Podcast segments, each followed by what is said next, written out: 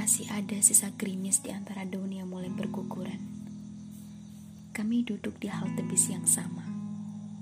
Jemari tanganku menari di atas kursi, mengikuti melodi yang kubuat sendiri. Sedangkan dia, lelaki dengan jaket jeans dan tas hitam lekat di punggungnya, hanya memainkan sepatu yang diadukan dengan lantai. Suaranya nyaring, menembus rintikan gerimis kali ini. Aku kembali memperhatikan jalan yang sebagian masih belum sepenuhnya diaspal. Aroma tanah dan hujan tercium perlahan. Petrikor, begitu mereka menyebutnya. Aku dan dia menunggu bis di tempat yang sama. Namun, pikiran kami melanglang buana dengan sendirinya.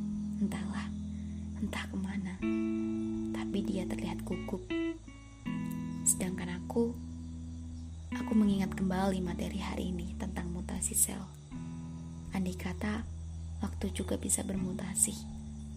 Aku butuh lebih dari 24 jam dalam sehari.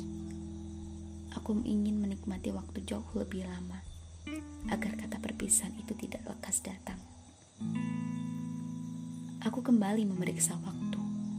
30 menit berlalu ada suara berisik kas bis itu juga sedikit orang yang melintas.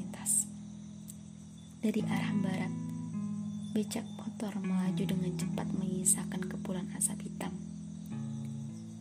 Awan putih menggantung di atas, membuat langit biru tampak gelap di sore ini. Sedangkan perlahan gerimis membasahi dedaunan yang gugur lagi. Dia memanggilku dengan nada yang khas, nada yang menyihirku perlahan, menjadikanku manusia paling tidak berdaya di dunia ini. Ah, stop, stop. Aku sudah terbiasa dengan nada itu. Bukan hanya sekali dia memanggilku. Ini sudah tahun ketiga. Tapi nada yang ku dengar kali ini sedikit berbeda. Ada keraguan sekaligus kekhawatiran. Dan itu membuatku takut. Aku menatapnya penuh tanda tanya. Dia malah kembali menatap sepatu kas era 2000-an. Dua menit berlalu. Posisi dia masih sama. Ada apa? Ucapku. Ayo kita berhenti. Jawabnya. Aku mengambil nafas pelan.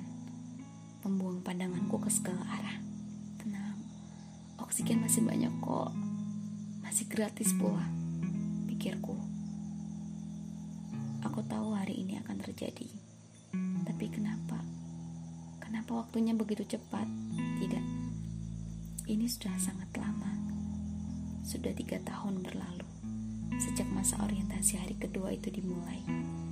Dan sepertinya ada rasa yang terkikis saat ini. Oke, jawabku kemudian. Aku berdiri Kakiku melangkah menuju barat, mengkhianati pengorbananku yang menunggu bis selama 30 menit. Saat ini, gerimis menerpaku dengan kasar, membawa hawa dingin yang menusuk hingga ke sumsum tulangku. Ada rasa perih, sangat perih, tapi tidak apa. Besok aku akan bekerja keras untuk melupakan dia, dan semuanya akan baik-baik saja. Langkahku terhenti. Aku menoleh ke arah halte bis yang jaraknya 50 meter di depanku. Dia masih dengan posisi yang sama di sana, duduk dan termenung. Aku kembali melangkahkan kakiku. Rasa perih tadi sama-sama menghilang. Perbedaan tidak akan menyatukan hubungan.